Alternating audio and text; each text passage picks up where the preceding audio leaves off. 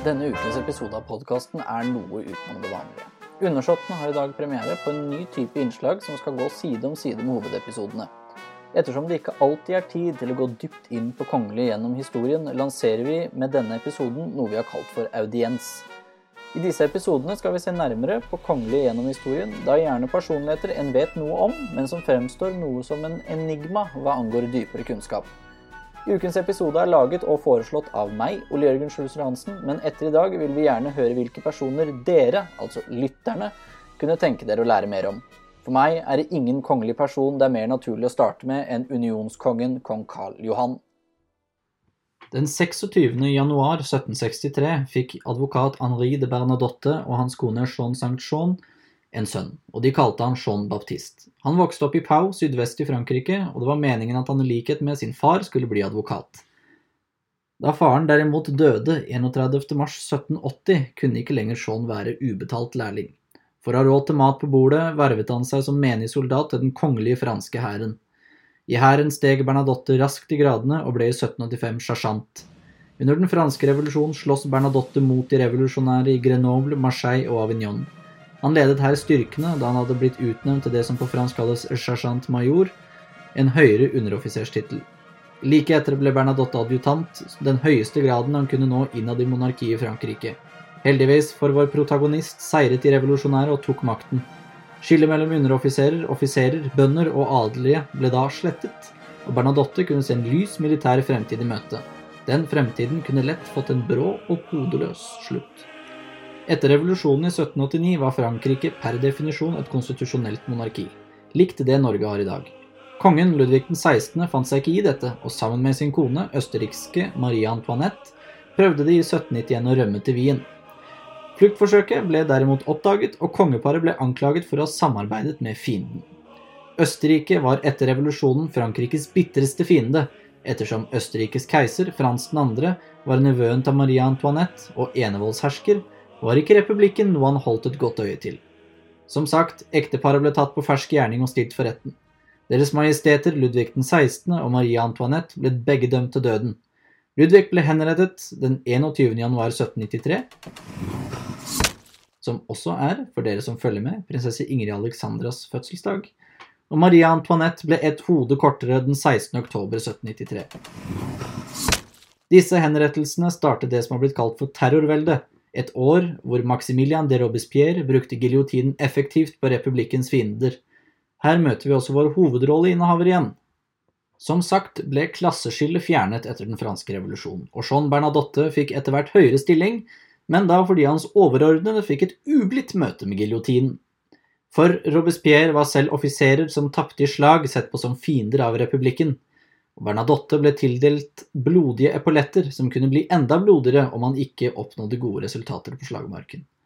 I løpet av terrorveldet ble det utstøtt 16 594 dødsdommer fra juni 1793 til juli 1794. Fem år senere trer en veldig kjent personlighet inn på den historiske scenen. I 1794 ble Bernadotte utnevnt til brigadegeneral, en militær tittel som rangerer over oberst og under generalmajor. Og i 1797 ble han, som nå hadde fått rykte for eh, å ha temperament, beordret for å hjelpe til i felttoget mot østerrikerne. Mannen som ledet dette felttoget, var Napoleon Bonaparte. I august samme år ble Bernadotte beordret tilbake til Paris av Napoleon. Dette var for å få den iltre og noget for selvstendige kommandanten vekk fra sine hærstyrker. Napoleon ønsket Bernadottes støtte til et statskupp, noe Shaun ikke ønsket å gi sin støtte til. Han ble da invitert til Bonaparte for å smigres til taushet angående kuppet, men endte med å fyre seg opp da Napoleon gjorde han forlegen ved å insinuere at Bernadotte ikke innehadde grunnleggende militærkunnskaper. Som et resultat av dette leste Jean Bernadotte alt han kom over av militærlitteratur. Denne hendelsen kan også ha vært grunnen til det langvarige, kjølige forholdet som oppsto mellom Bernadotte og Bonaparte.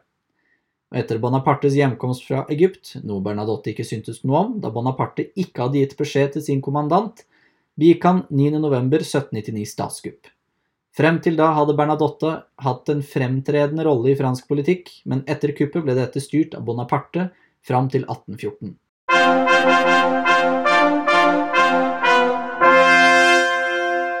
Å ta en gjennomgang av Bernadottes herjinger under napoleonskrigene er litt utenfor temaet til dette innslaget i podkasten.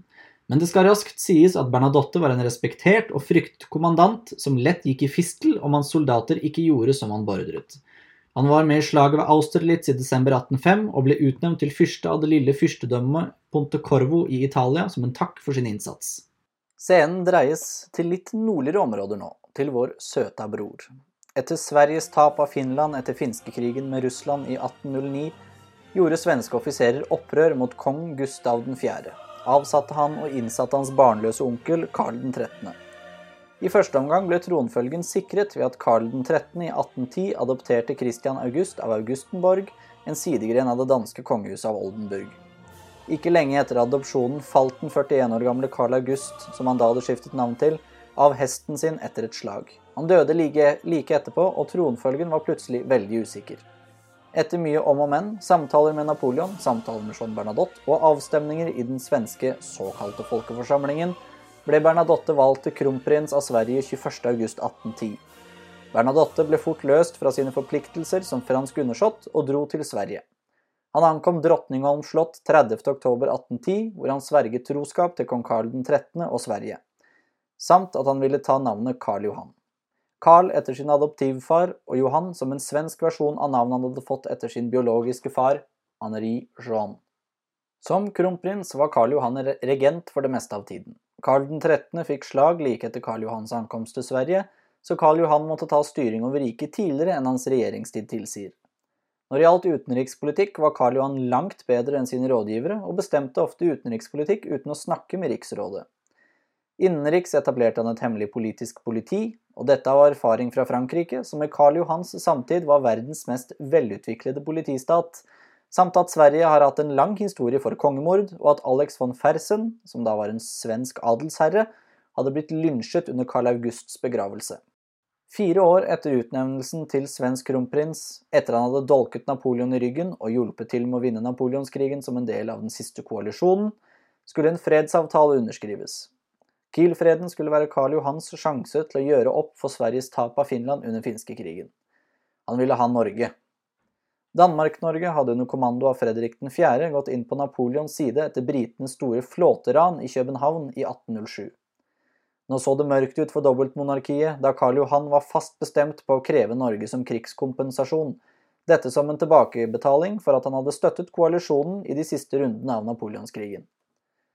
Nordmennene hadde derimot sett sitt snitt til å erklære uavhengighet fra Danmark mens fredsforhandlingene foregikk, og hadde 17. mai 1814 ferdigstilt en grunnlov som beskrev Norge som, og jeg siterer Grunnloven paragraf 1, Kongeriket Noreg er eit fritt, sjølvstendig, udeleleg og uavhendelegt rike.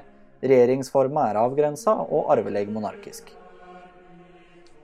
Karl Johan var derimot fast bestemt på å få dette landet som sitt rike. Militærmakt invaderte han Norge, hvor det ble utkjempet noen få slag, men krigen ble avsluttet like fort som den startet, ved Mossekonvensjonen 14.8.1814. Og grunnloven ble endret slik at Norge kunne gå inn i en union med Sverige.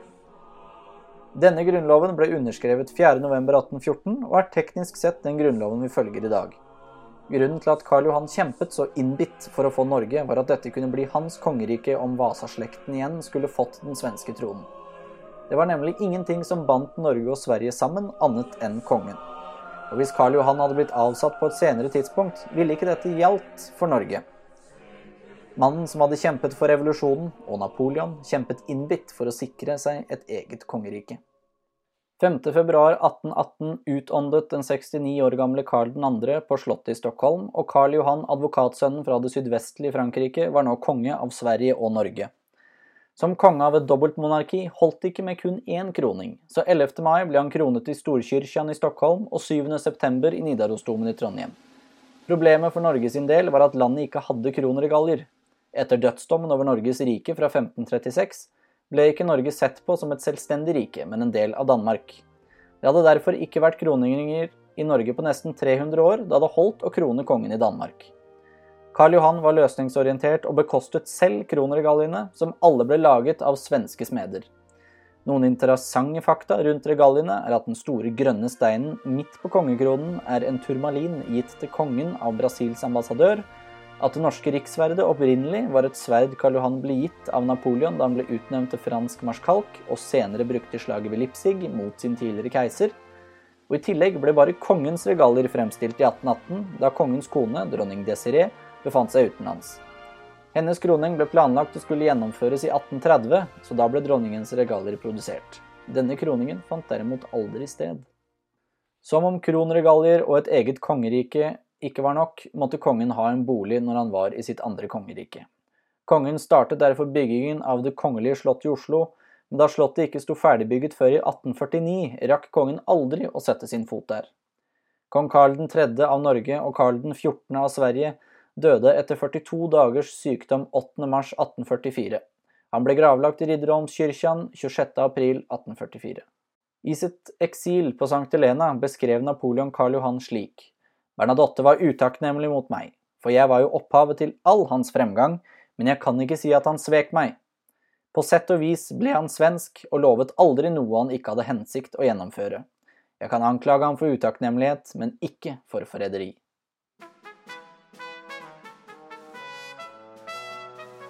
For dere som er litt over middels interessert i historie, og som gjerne vil vite om kildegrunnlaget mitt for denne episoden, så har jeg ikke brukt annet enn Store norske leksikon om Karl Johan, Wikipedia om Karl Johan, Wikipedia om Frans 2., Wikipedia om Ludvig den 16. og hans kone Marie Antoinette, og boken Karl Johan av Herman Lindqvist.